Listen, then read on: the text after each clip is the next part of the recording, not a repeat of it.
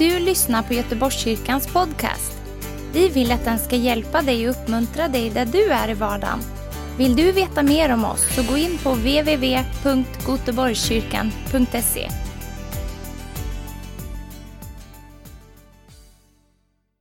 Vi har kommit fram till del tre utav den här lilla miniserien om församlingen och eh, eh, Boris delade ju förra söndagen på ett fantastiskt sätt med de här illustrationerna om hur vi kan bli rotade i Herrens församling. Och jag har ju eh, myntat ett uttryck förut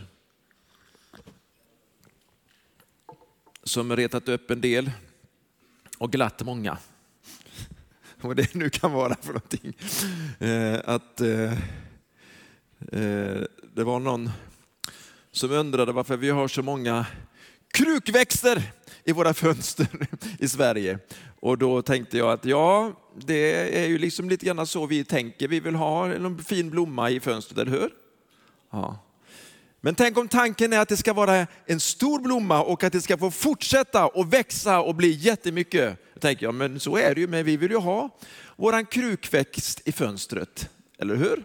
Och en del har till och med bonsai-träd och det kanske blir ännu värre för då binder man upp rötterna på det här trädet så att det blir ett litet gulligt träd i miniatyr som man kan hålla på så här och, och klippa lite fint. Men Guds tanke är inte att vi ska vara krukväxter i ett fönster.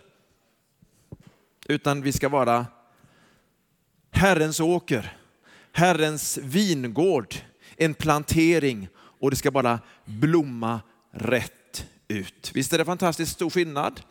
Så det är det här skillnaden på den individualistiska kristendomen. Det är liksom jag och Gud, jag ska vara i ett skyltfönster. Eller om man ska vara en del i hans fruktträdgård, i hans vingård, en del i hans åker. Så hur många vill vara krukträd? Ja, det, det var enormt. Fel, fel, fel. Det kan vara fint också. Eh, men det är inte tanken eh, att vi ska stå där i skylt, utan att vi ska blomma ut i frihet. Idag är det fyra andra bilder. Och då kanske vi kommer till några av de vanligaste bilderna på Guds församling. Och två står också som hemligheter, alltså mysterion. Eh, och ni ser ju, nej det kommer snart där, tror jag. Fyra bilder som talar om funktion och relation i Guds församling. Lovat vara Herrens namn. Eh, jag måste ge kreds till Bosse som eh, hjälpte mig så fixa med det med ljud, eller med bild. Därför att jag hade bara skickat bilderna och inga texter, inga bibelord. Ni förstår, liksom, det hade blivit som ett hus, bara en massa fönster. ett glashus ska jag vara bra. Men nu har det också kommit in bibelord. Det tror jag i alla fall, det visar sig ganska så snart om vi bläddrar fram. Församlingen är Guds hus. Den första bilden är själva byggnaden. Men så sa jag en annan gång att eh, kyrkan är inte byggnaden, kyrkan är människorna.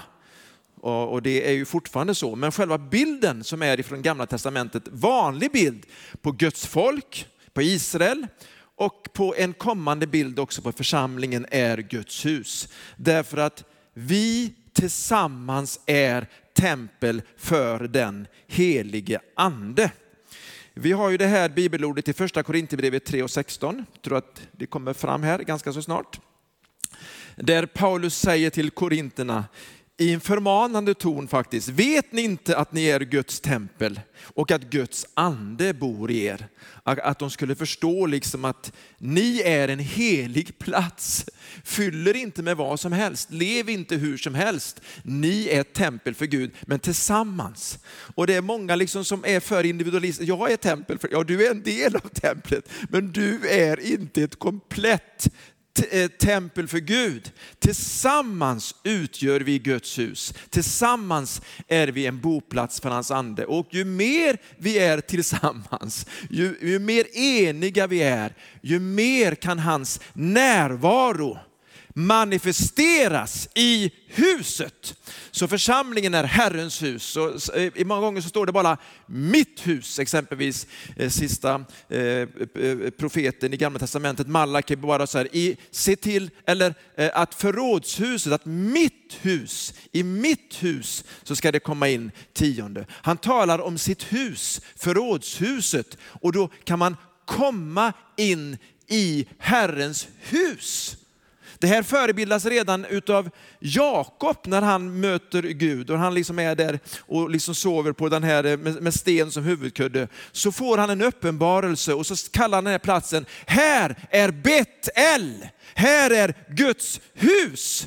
Därför att Herren uppenbarar sig där. Och så ser han den här stegen där liksom änglarna går upp och ner. Och så förstår han att genom Jesus Kristus, han får en uppenbarelse om att vägen till Gud finns.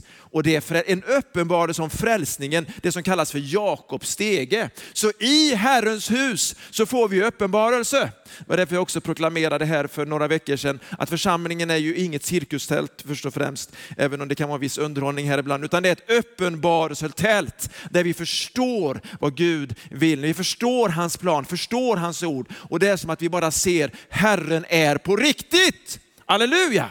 Och det är den uppenbarelsen som Petrus får. Han säger, du är den levande Gudens son. Du är Jesus Kristus, du är den levande, du är Messias. Den uppenbarelsen bygger hela församlingen på. Det är också då han säger att du är den lilla klippan, eller du är stenen, du är Petrus. Men på denna klippa, Petra, som är en stor klippa, som förebildar Kristus ska jag bygga min församling. Så församlingen byggs inte på Petrus och på kommande påvar och sånt, utan den byggs på klippan Kristus, Petra, den stora klippan. Men vi är små Petrusar allihop, vi är små eh, stenar och kommer lite grann eh, till det sen. Men det är också det här Guds vilja proklamerad genom Jesus att församlingen Nya testamentet också förebildas av Guds hus. I liknelsen i Lukas 14.23 säger Herren till sin tjänare, gå ut på vägar och stigar och se till att människor kommer in så att mitt hus blir följt. Det är väl ett av de bästa bibelorden om evangelisation och att man ska ta människorna till Herrens hus. Inte bara liksom beta av dem där ute. Ja, nu är du frälst, ja, nu är du frälst, nu är du botad hela, du gör vad du vill. Utan man för in lärjungarna in i huset. Kom, se till att mitt hus ska bli följt. Vill du vara med? Underbart. Nu ska vi ha en evangelistkurs här för allihop. Där vi har den helige ande. Hebreerbrevet 3 och 6 så står det att Kristus är betrodd som son att råda över Guds hus. Den som råder i huset, det är naturligtvis församlingens herre, husets herre, det är Jesus Kristus. Det kan ingen pastor, ingen ledare, kan inte ta sig någonsin rollen som herre. Man kan vara en underherde, man kan vara en ledare, man kan vara en förälder, men den enda Herren i huset, det är Jesus Kristus. Han är också den enda ägaren. Ingen person kan säga, det är min församling. Man kan säga, ja det är min för att det är min tillhörighet. Men ingen äger en ingen människa äger en församling. Den har bara Jesus ägorätt till. Visst är det skönt? Ja, han är ägaren, han har också köpt den med sitt blod. Vi bläddrar vidare här, där jag återkommer till det här fantastiska bibelordet. Första Petrus 2, 4 och 5. Jag vet inte hur många gånger jag har läst det. Så står det så här, tänk nu att vi är Herrens hus. Det är som ett stort tempelbyggnad. Men också Jesus, han förebildas av den levande stenen. Kommer ni ihåg Petra, den stora väldiga stenen. Han förebildas också av hörnstenen, men också av slutstenen. Hur många vet vad en slutsten är? Det är liksom inte den sista stenen man kastar på någon, utan det är när eh, bygget ska fullbordas är det som en taksten, en toppsten, en slutsten som du har i Sakarja när den heliga ande bara säger, eller när den heliga ande ska ge oss den här kraften att slutföra arbetet. Och så säger han till Zerubabel att slutstenen, eh, den här eh, sista stenen ska föras fram och så ska det fullbordas. Tänk att vår Zerubabel, vår Jesus, han ska fullborda det här verket. Han har fullbordat det på korset, försoningen, men han ska också fullborda det här och föra församlingen i mål mål. Och lite granna hur vacker och underbar hon är kommer jag till lite senare i min förkunnelse. Men nu står det så här, kom till honom den levande stenen. Hur många vill komma till en levande sten? Jo, man säger kom till klippan Kristus, förkastad av människor, men utvald och dyrbar inför Gud. Och nu handlar det om oss. Låt er själva som levande stenar byggas upp till ett andligt hus. Det är tempel, det är Herrens hus, det är vi. Dessutom ett heligt prästerskap som ska bära fram andliga offer som Gud tar emot med glädje genom Jesus Kristus. Så vi är inte bara de levande stenarna, vi är inte bara templet tillsammans, vi är också prästerna i huset. Inte bara apostlar, profeter, evangelister, herdar och lärare, inte bara predikanter, utan alla de troende har en prästtjänst. Så hur många präster har vi här? Och du som är med oss via online här, du kan bli en präst genom den heliga ande som föder dig på nytt. Så kan du få tjäna honom i det tempel som är hans hus 24, 7. Han tar emot det med glädje. Så står det också i Efesierbrevet kapitel 2, vers 20-22. Ni är, alltså vi då, är uppbyggda på apostlarnas och profeternas grund där hörnstenen är Kristus, Jesus själv. Vad i hela världen är en hörnsten? Alltså någonstans ska det ju börja. Jag tänker liksom på det här när, när den här, jag vet inte om du har varit med, men det är sådana här stora, stora pyramider av konservburkar i ICA-affären, eller det kanske inte är så ofta, men i alla fall, så om man tar bort den, en sån här konservburk i ett hörne, och så rycker man den, vad händer då? Någonting väldigt roligt tycker barnen, men inte de som äger själva huset, eller hur? Det finns någon, en sten eller en burk, en del där allting utgår ifrån. Herren, han är den där stenen, han är början. Han är hörnstenen och så kommer de andra stenarna vi och så kommer också en slutsten, toppstenen. Och så är Jesus både A och O. Och vi då? Vilka är vi? Vi kanske är B och C, många är, men vi är med. Men han är början och slutet. Han är starten och han är fullkomningen. Det är så viktigt att förstå, när vi ska förstå vår funktion och vår relation i kroppen. Att din funktion i kroppen är att vara en bärare av Guds närvaro. Att vara en bärare av Guds kraft. Att vara en bärare av Guds vilja. Att vara en bärare av hans ord, av hans sanning. Vill du vara en sån levande sten? Yes! Alltså jag vill bara vara med och fogas in i den här byggnaden. Tänk om Herren sa så här, ni är alla bara en enda stor grushög, jag vet inte vad jag ska göra med er. Alltså försök att bygga med en grushög. Man kan laga med grus och man kan fixa och det är bra så man inte slinter och så. Men man bygger med, vi är inte grus, vi är levande stenar. Woo! Haggai, han var en profet, eh, också en av de här så kallade små profeterna, vilket inte innebär att de var kortväxta, utan att det var lite mindre böcker som är i slutet av gamla testamentet. Och han var väldigt rak på. Sakarja, han var samtida.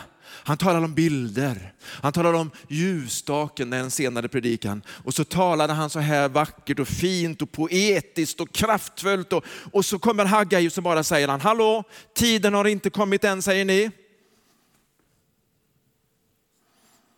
Tiden har inte kommit än att bygga upp Herrens hus, säger ni. Gå upp till bergen, hämta virke, bygg upp ett hus. Så ska jag glädja mig över det och visa min härlighet, säger Herren. Alltså det var raka puckar. Alltså ni vill bara bygga på ert eget liv. Era egna grejer, era egna ambitioner. Men mitt hus, det är ni inte så intresserade av. Men det är ert eget liv. Materialismen och era intressen och ert ego, det vill ni bygga på. Säger han till folket. Det är ingen predikant som vågar säga så till en församling idag. Eller hur? Men Herrens ord talar till oss. Sök först mitt rike. Fokusera först det som har med hans hus att göra. Fokusera först det som är Guds vilja idag. Och så står det sen lite senare, eh, då ska jag glädja mig över det och visa min härlighet. Alltså visst vill vi ha det här? Men vi vill ju ha vårt eget också. Och så kanske vi kan vi får plats med lite härlighet. Härligheten kommer när vi söker honom först. Allt det där andra kommer när vi söker honom först. Vill du söka honom först? Det gör vi genom att bygga på Herrens hus som är hans församling idag. Lite senare står det också i profetian från Haggai. Då sa Haggai, Herrens sändebud, genom ett budskap från Herren till folket. Jag är med dig, säger Herren. Och Herren väckte en iver hos Zerubabel. Han var ståthållaren. Shealtiels son, ståthållare i Juda, hos översteprästen Josua, Josadaks son. Och hos alla de som var kvar av folket, så att de började arbeta på Herren Shebaots, sin Guds hus. Så det är så på något märkligt sätt att vi behöver väckas för att få lusten att börja bygga på Herrens hus. Det är som att det är ett, andens verk inom oss.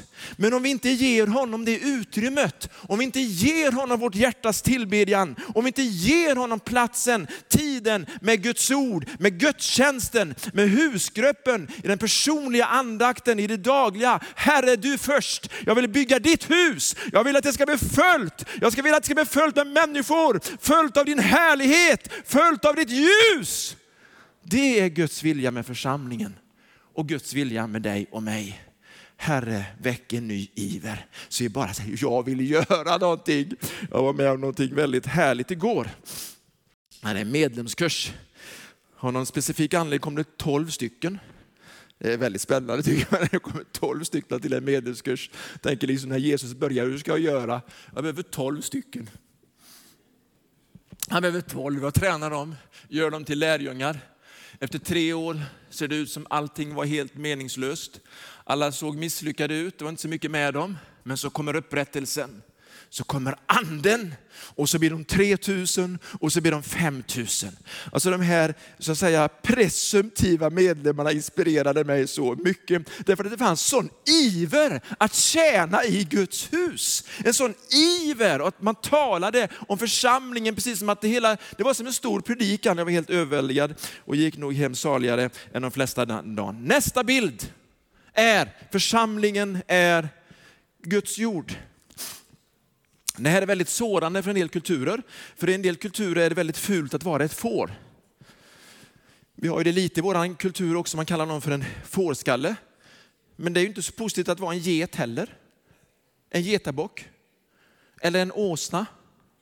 Eller en kyckling.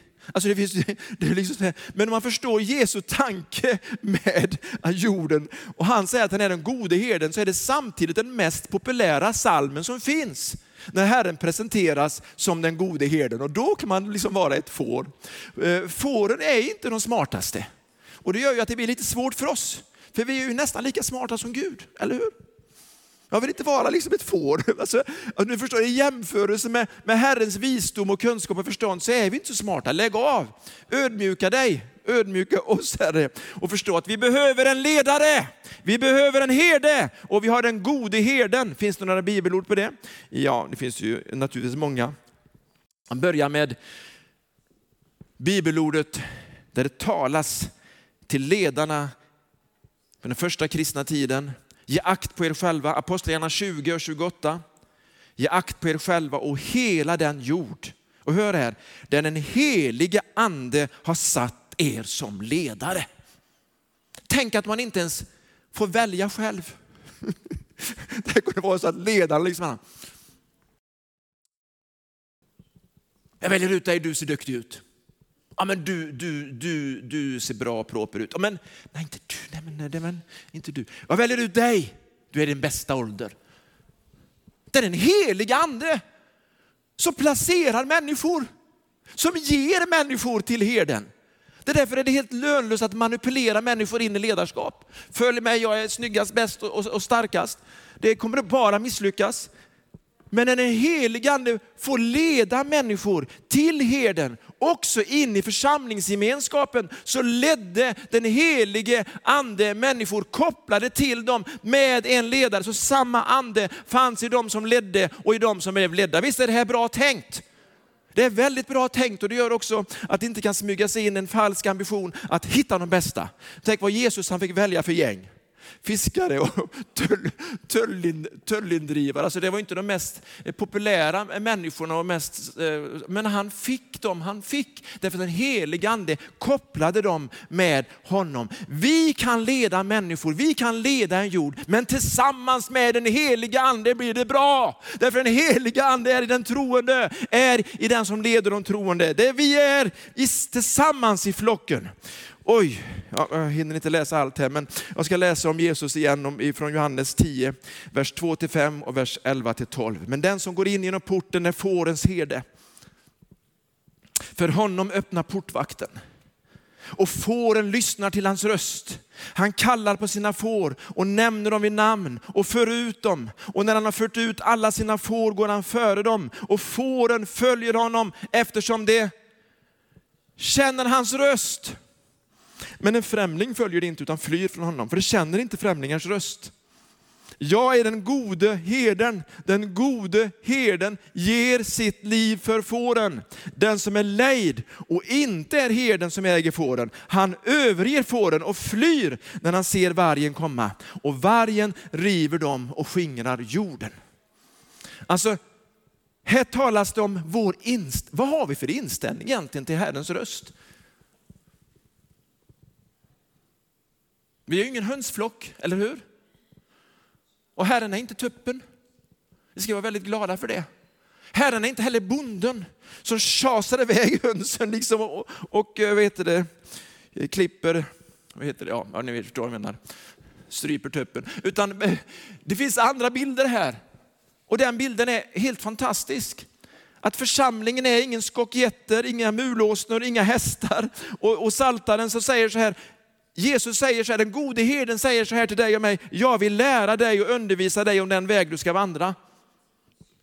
Herden säger, jag vill ge dig råd och låta mitt öga vaka över dig. Därför herden, han både beskyddade och ledde och försörjde dessa får.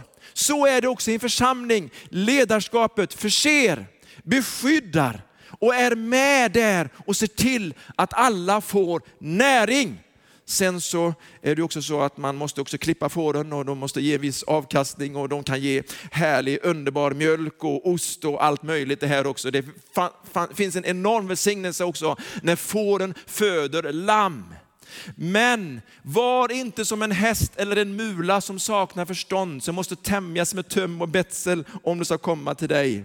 Eller som det står i Matteus 25 och 32. Och alla folk ska samlas inför honom, man ska skilja dem från varandra som herden skiljer fåren från getterna.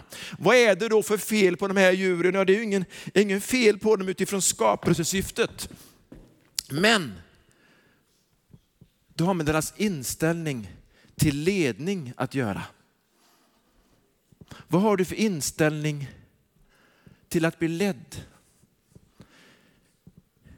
Geten, de vill hoppa och skutta sin egen väg. Försök att valla getter.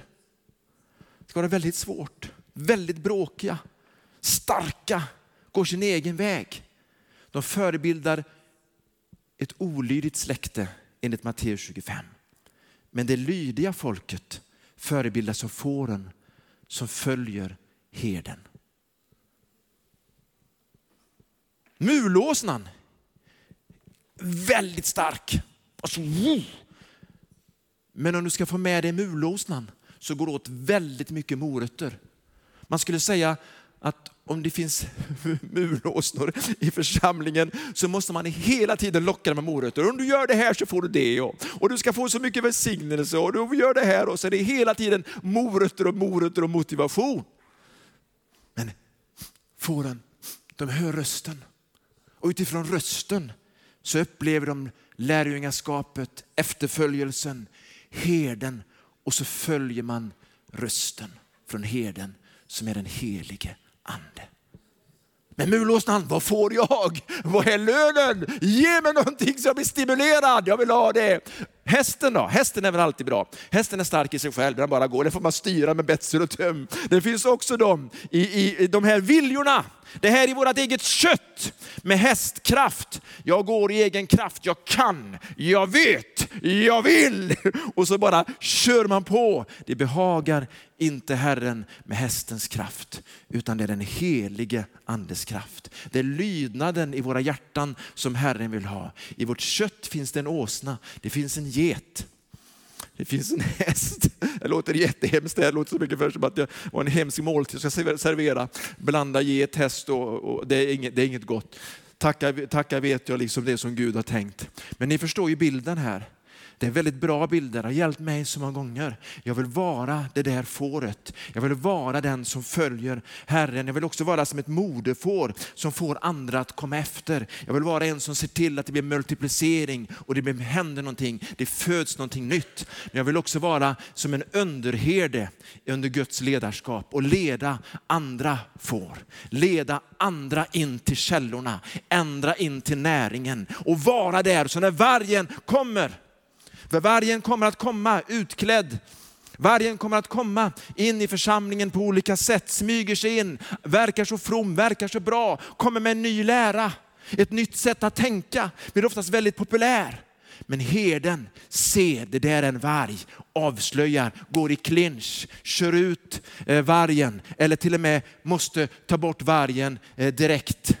Förstår ni att vi behöver förstå Guds vilja och tanke? I församlingen har vi ett beskydd när vi lever nära herden, hör hans röst. Vi behöver inte vara oroliga, men när vargen kommer så måste han avslöjas och han måste bort. Den läran, eller det beteendet, eller det kötsliga mönstret, det måste ut. För flocken ska föras in i mål. Halleluja! Underbart! Tack Jesus för detta fantastiska budskap. Men vi har ju faktiskt något mer. Vad är då nästa? Församlingen är Kristi brud. Det här är väldigt stort. För eh, åtta dagar sedan så stod jag framför en brudgum och en brud i Jonsereds kyrka. Och jag har liksom alla de här bilderna framför mig. Och så hör man, eller så får jag läsa de här texterna. Efesierbrevet.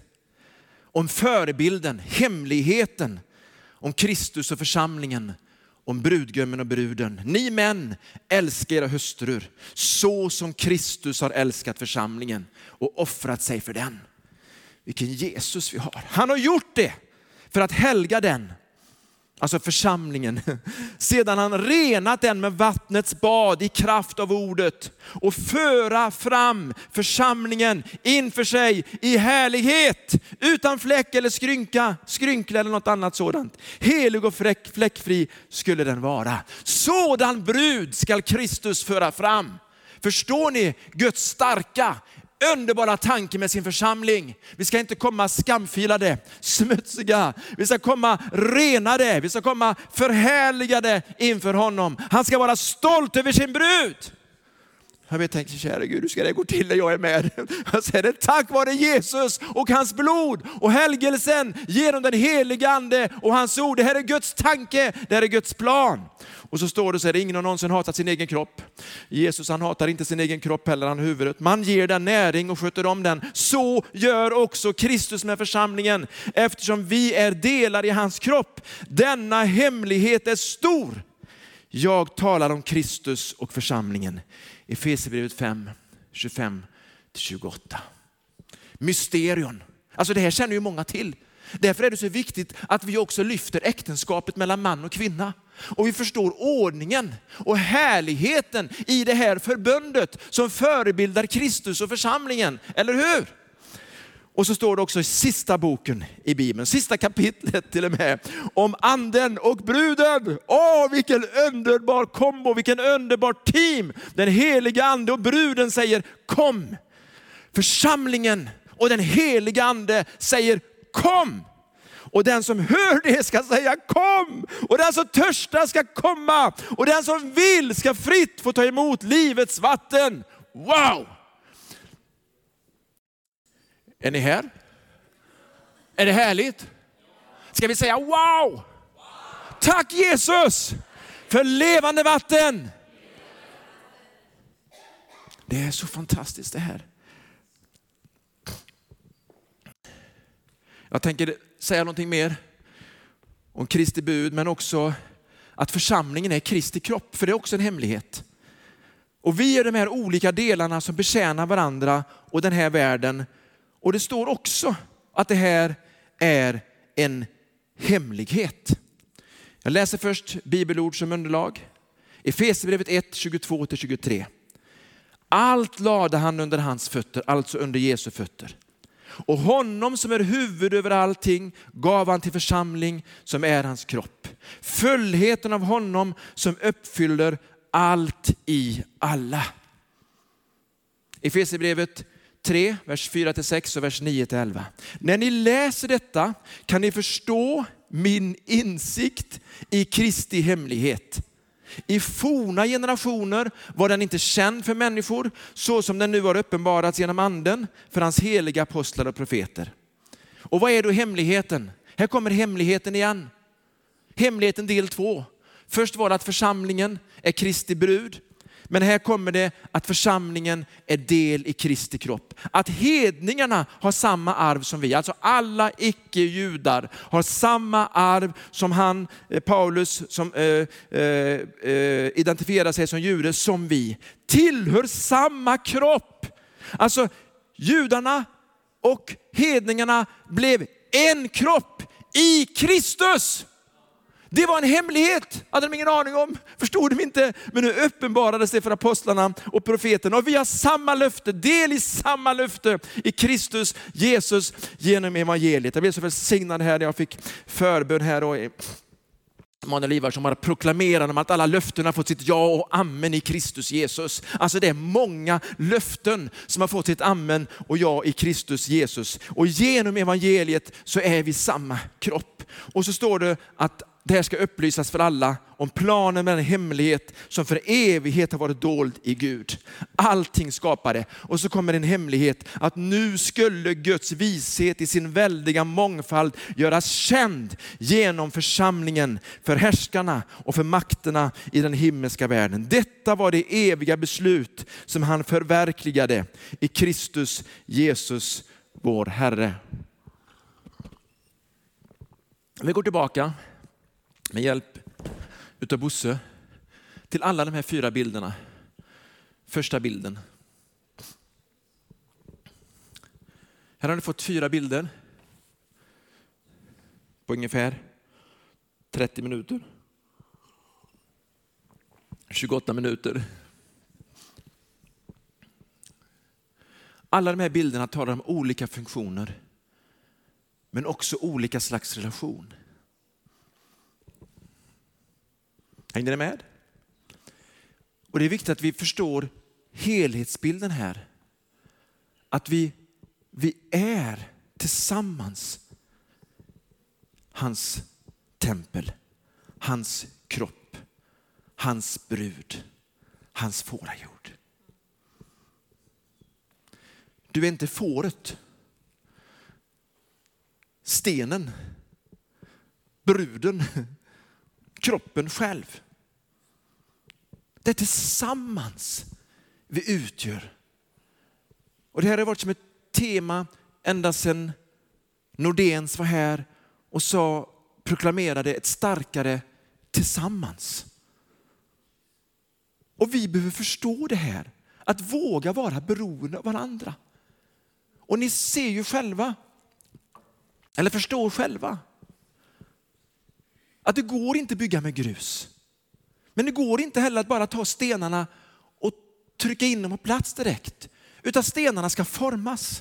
De är ju levande. De ska passa in. Man ska komma in i den del av templet som Gud har tänkt. Vill du det? För om du har för mycket uppror inom dig och du ska ha kvar din kantighet, då kan det ta så lång tid innan liksom du passar in. Plötsligt en dag, nu har vi äntligen en plats för dig. Men om du låter dig formas av hans ande och hans ord så kommer du in i det som Gud har tänkt? Vill du komma in i det som Gud har tänkt? Bara liksom förstå, jag vill vara den där levande stenen, jag vill vara den där Petrusen, den där lilla delen, men den där viktiga delen för att Guds hus ska upprättas. Herrens hus och hans härlighet ska träda in i församlingen därför att vi är med och vi har valt att vara byggstenar, inte grus, inte legobitar, inte kugghjul. Halleluja. Och att vi förstår den här bilden med att vi är får. Vi är olika med oss. En del är arga baggar och en del är sladdertackor och så här. Då behöver man lite extra fostran. För det, det, är inte så roligt i kroppen när det är så här. Utan då behöver man fostran så att man blir en, ett får som får andra med sig. Ett lydigt får, ett villigt får. En som bara följer och får många andra med sig. Och som föder nya lamm. Halleluja! Och som ger mycket öl och det blir mycket kläder och mycket avkastning och det är mycket ost och mjölk. Halleluja! Det är en välsignelse. Men vi är tillsammans den här fåraflocken. Och tillsammans så är vi hans brud. Det blir jättesjukt att kalla sig för Kristi brud ensam. Eller hur? Det är så sekteristiskt så det, det stinker. Men tillsammans är vi hans brud. Men säger de, jag är så ofullkomlig, jag har gjort så mycket fel, men Herren han har renat dig. Hela Bibeln handlar om Guds kärleksförklaring från början till slut. Hur människorna gör uppror, Gud älskar, människorna liksom älskar tillbaka på deras villkor och så bara lämnar de och så kommer Gud med ny kärlek. Och sen så säger han, jag sänder min son och så sänder han sin son. Och det ultimata beviset för kärleken är att han ger sitt liv. Han ger sitt liv, bullan brudgum. Och han köper oss med sitt blod. Och han vill bara att vi ska älska honom tillbaka. Att vi inte ska ha massa andra avgudar. Att vi inte ska ha någonting före. Han får gå först. Han vill ha den första kärleken.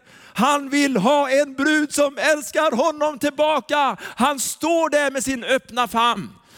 Uh, han står där och bara vill omfamna oss. Han vill bara älska oss. Halleluja. Och så ska det bli ett fantastiskt bröllop en dag.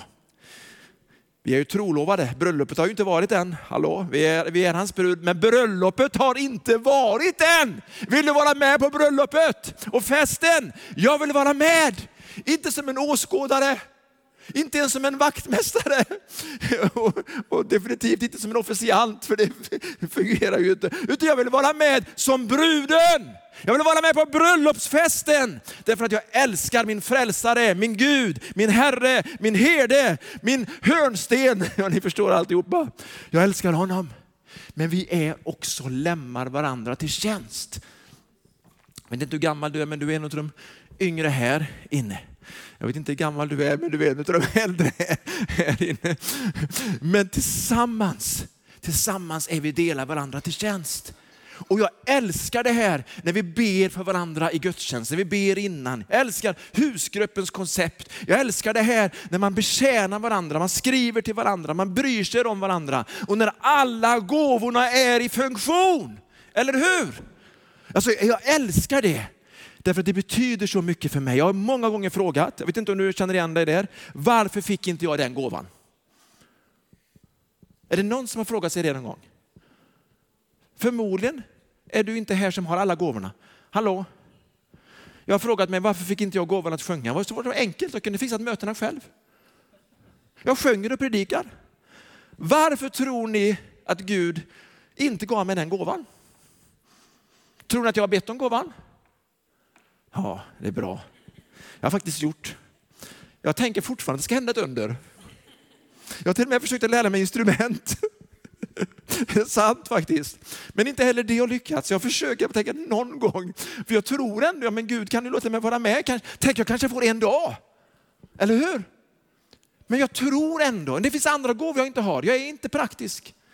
Jag har inget lokalsinne. Jag har frågat Gud många gånger när jag står vilse. Det är väldigt otäckt att vara vilse. Framförallt när man är liten. Det är väldigt jobbigt att inte kunna laga någonting. Det blir väldigt dyrt när man är opraktisk. Men vet du vad? Gud skickar andra människor och jag älskar dem. Alltså ni visste hur mycket jag älskar de som kan sjunga, som kan spela, som kan laga, som kan konstruera, som kan bygga, som kan köra bilen, som kan göra så att de kommer till rätt ställe. Jag älskar de här komplementen, jag älskar kroppen. Men de jag inte gillar det är de som gör det som jag gör fast bättre. Då blir jag avundsjuk. Det är otrevligt. kommer fram här någon och bara predikar mycket bättre än jag.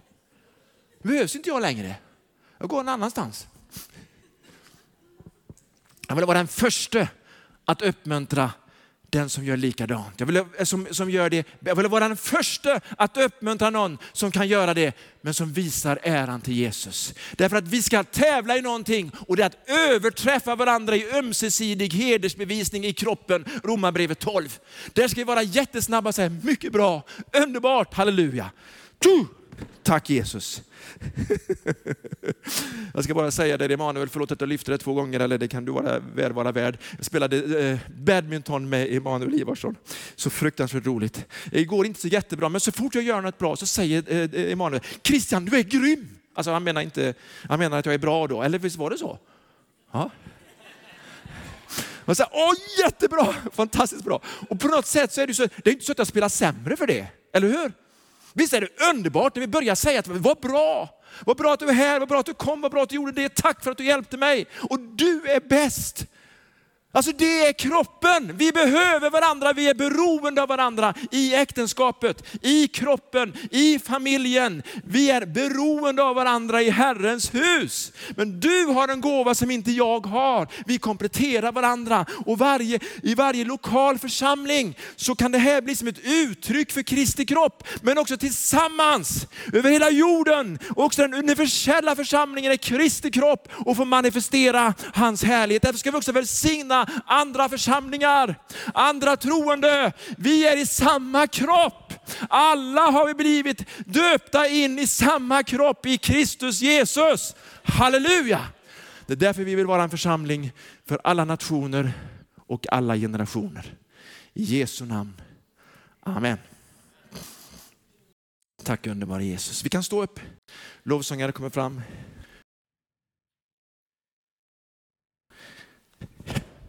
Tack Jesus. Jämförelsen kan bli som en förbannelse när man jämför sig med andra. När man inte unnar andra gott.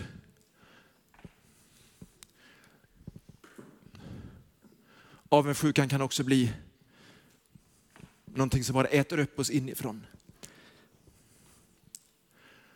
Men kärleken och uppmuntran, renheten, och en attityd av att jag vill följa hans röst bygger upp hans hus, bygger upp hans kropp, renar hans brud, får hela flocken in i mål. Om du vill vara med i det här så har du en individuell vilja, en individuell överlåtelse. Men tillsammans är du inte hel, tillsammans är du inte stark. Tillsammans med kroppen blir du stark och hel. Tillsammans så blir det en fullhet som behagar Gud. Tillsammans växer kroppen upp i kärlek till huvudet mognad. Vill du vara med tillsammans? Vill du vara med tillsammans så sträck upp din hand. Det är bara min önskan. Vill du vara med tillsammans så sträck upp din hand tillsammans lokalt, tillsammans universellt, tillsammans eh, i staden, tillsammans i landet, men tillsammans med kroppen, tillsammans med andra, tillsammans med dem som Gud har satt som herdar till att leda oss genom den heliga Andes ledning. Tillsammans Gud, så sträcker vi våra händer, för tillsammans så blir vi starkare. Tillsammans så når vi målet, tillsammans med dig Jesus, vår ledare, vår konung, vår Herre, vår brudgum. Vi tackar dig. Fader i Jesu namn så ber jag också för de som har lyft sina händer idag, också de som är med kvar här via eh, online Herre. Jag ber verkligen att du ska fullborda det verk som du har börjat i bygget, i kroppen, i jorden, i gemenskapen. Att du tillsammans ska fullborda det du har börjat så att vi kan vandra med dig i kärlek, i den heliga Andes kraft. Och den som nu är missmodig, den som nu har hamnat i det här med jämförelse eller med avundsjuka eller med mindervärdeskomplex eller som har någon offerkofta på, bara ska få slänga den offer, offerkoftan och ta på sig Jesu Kristi rättfärdighet, ta på sig lovsångens dräkt och börja tacka Jesus för nåden nåden i frälsningen, nåden över att få vara med i den lokala församlingen, i den stora universella församlingen, nåden i Kristus Jesus att få vara delaktig i den plan, i den funktion och i den relation som du har tänkt. I Jesu namn, Amen. Tack Jesus, vi ska bara prisa honom ett tag. Tack för att du har lyssnat. Dela gärna podden med dina vänner och glöm inte prenumerera. Om du har frågor eller vill att vi ska be för något så mejla oss på info På söndagar har vi veckans höjdpunkt. Då firar vi gudstjänst tillsammans och det vore så kul att träffa dig där. Men vi har även samlingar för barn då? Gå in på vår hemsida goteborgskyrkan.se så får du veta mer. Välkommen till oss!